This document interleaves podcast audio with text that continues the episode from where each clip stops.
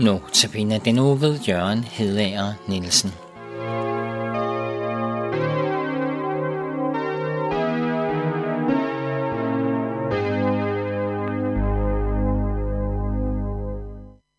Vi er netop gået ind i 500 året for den lutherske reformation. Af alle Luthers bøger mente han selv, at hans store kommentar til Galaterbrevet var en af de væsentligste. Derfor skal vi i denne uge hver dag se på et citat fra Paulus' brev til Galaterne, og så skal vi møde nogen af Luthers kommentarer. Menighederne i Galatien var ved at komme på afveje. De var begyndt at lytte til en forkyndelse, der var anderledes end den, de tog imod fra Paulus.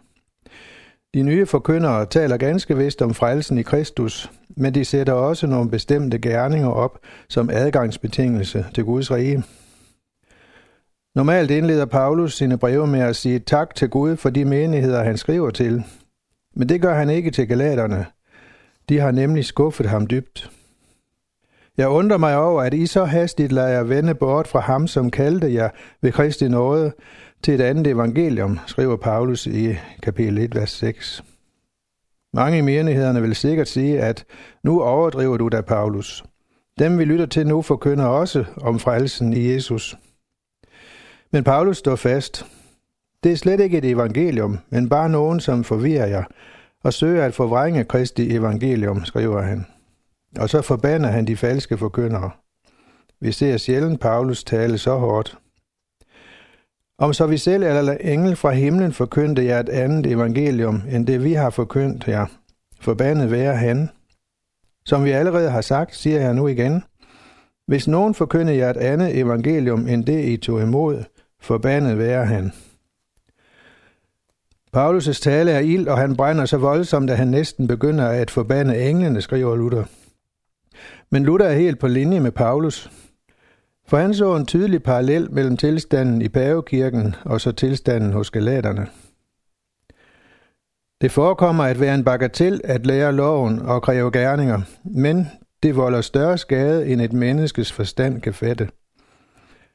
For det ikke bare fordunkler kendskabet til nåden, men fjerner Kristus og alle hans velgærninger, siger Luther.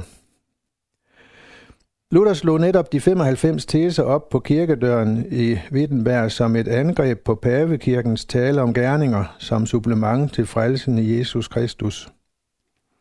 Årsagen til at forkyndere både i Galatien og på Luthers tid forede gerninger til frelsesvejen, finder Luther i menneskets syndige natur, i kødet.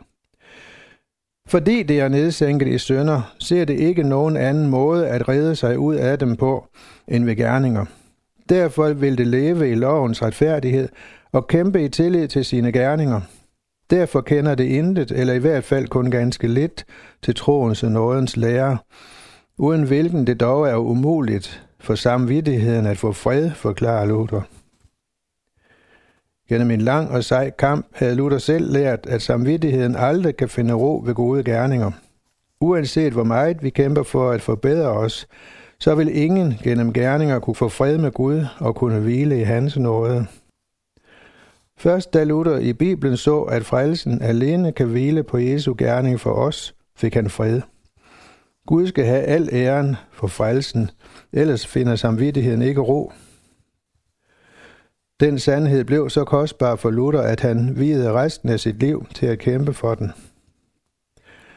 Frelsens gave er kommet til mig alene af Guds nåde, understreger han.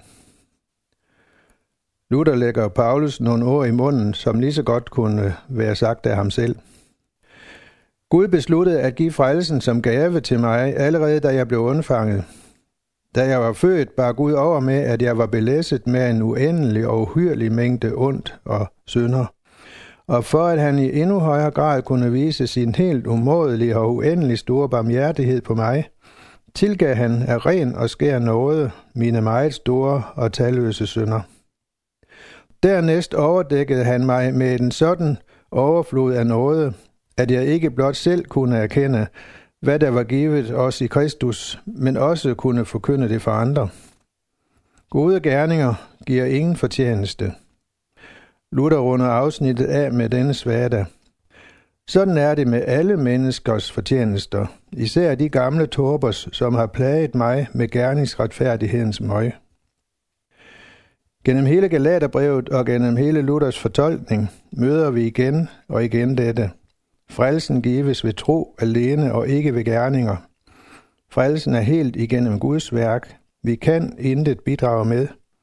Selv den tro, som griber frelsen af noget, må Gud skabe i os. Amen.